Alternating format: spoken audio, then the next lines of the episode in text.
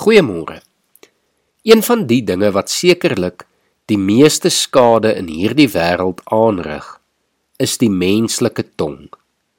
Daarom is dit so belangrik dat ons mekaar gereeld daaraan sal herinner dat ons ons tonge in toom moet hou. Jakobus het ook hierdie vir ons mooi uitgelig in sy 3de hoofstuk en ek lees dit graag vir ons voor vanaf vers 1 tot en met vers 12. My broers, julle moenie almal leermeesters wil wees nie. Want julle moet weet dat ons wat leermeesters is, strenger as ander beoordeel sal word. Ons struikel almal in baie opsigte.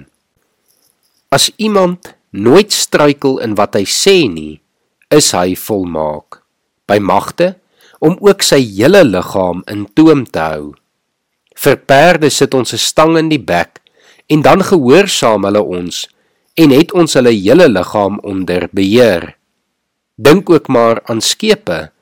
Al is hulle baie groot en al is die winde wat hulle aandryf baie sterk, word hulle tog met 'n baie klein roertjie gestuur, net waarheen die stuurman wil. So is die tong ook maar 'n klein liggaamsdeeltjie en tog het dit groot mag. 'n Klein vuurtjie kan 'n groot bos aan die brand steek. Die tong is ook 'n vuur, 'n wêreld vol ongeregtigheid. Die deel van die liggaam wat die hele mens besmet. Dit steek die hele lewe van die geboorte af tot die dood toe aan die brand en self word dit uit die hel aan die brand gesteek. Alles wat loop, vlieg, kruip of swem, Elke soort dier word en is al deur die mens getem.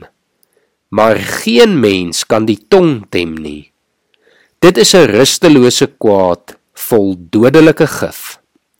Met die tong loof ons die Here en Vader en met die tong vloek ons die mense wat as die beeld van God gemaak is. Uit dieselfde mond kom lof en vloek. My broers, so moet dit nie wees nie. 'n fontein laat tog nie uit dieselfde oog vars en brak water opborrel nie. 'n Vye boom, my broers, kan tog nie olywe dra nie of 'n druiwestok vye nie. 'n Brak fontein kan mos nie vars water gee nie. Dit was vir baie lank die gebruik vir gelowiges om tye van stilte te hê, om doelbewus nie te praat nie. Dit gee vir 'n mens 'n stukkie selfbeheersing en help mens om wanneer jy wel praat, dan met goed deurdenkte woorde te reageer. Ek weet dit is nie altyd maklik om nie te praat nie. Maar mag jy vandag oefen om jou tong in toom te hou. Mag jy indien moontlik vandag 'n paar minute of 'n uur lank kies om in stilte te spandeer en te sien watter effek dit op jou lewe het. Kom ons bid saam. Here, dankie dat ons vanoggend weer bewus kan word van die gevaar van ons tonge. Here, dat dit 'n mag oor ons kan hê, 'n mag in hierdie wêreld het om soveel seer te veroorsaak. Maar Here, dit is ons begeerte dat ons met ons tong U sal loof en prys in alles wat ons sê.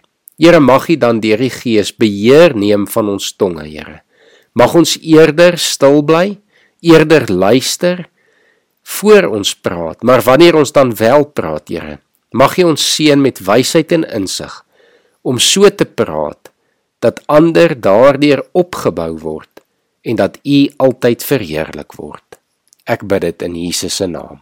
Amen.